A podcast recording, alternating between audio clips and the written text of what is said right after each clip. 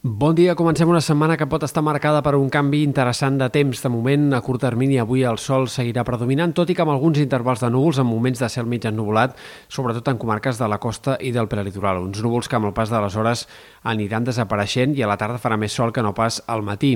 Avui esperem màximes similars o una mica més baixes que les d'ahir, per tant, amb un ambient bastant normal de final d'hivern. De cara a demà, predomini del sol, però amb alguns intervals de núvols que apareixeran també, en aquest cas, cap a comarques, sobretot de Girona, punts del Pirineu, per tant, un cel una mica variable en aquest sector del nord i nord-est del país, temperatures que tendrien a pujar, sobretot cap a les Terres de l'Ebre, a Ponent i algunes altres comarques del sud, on tant demà com també dimecres l'ambient serà més primaveral que no pas durant el cap de setmana.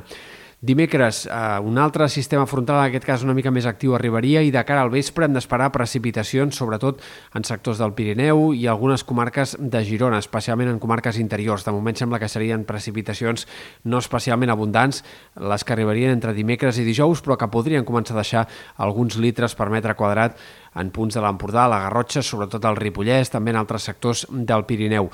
I el plat fort de la setmana hauria d'arribar al voltant de dijous, divendres especialment. Encara hi ha força incertesa i ara mateix el que us podem dir és que les possibilitats de precipitacions abundants són més altes en comarques del sud, sobretot que no passen en comarques del nord en aquesta tongada de precipitacions i per tant, tot i que encara està per definir tot plegat, a hores d'ara és més probable que hi hagi una situació de pluges abundants que puguin arribar a deixar 20, 30, 40 litres per metre quadrat, fins i tot potser més en algunes comarques del Camp de Tarragona, Terres de l'Ebre, eh, potser fins i tot sectors de Ponent i del Pirineu Occidental. És més probable això que no pas que aquestes pluges puguin ser abundants cap a les comarques de Girona. Ho anirem seguint en tot cas de cara als pròxims dies com evoluciona tot plegat. Pel que fa a temperatures, el canvi de temps que arribaria cap al final de la setmana provocaria un retrocés cap a un ambient més hivernal que sembla que marcaria, per tant, el cap de setmana i la segona part de la setmana en general i, per tant, no només tindrem un ambient normal de final d'hivern, sinó que podria ser fins i tot una mica més fred i és possible, a més a més, que aquestes precipitacions puguin arribar a deixar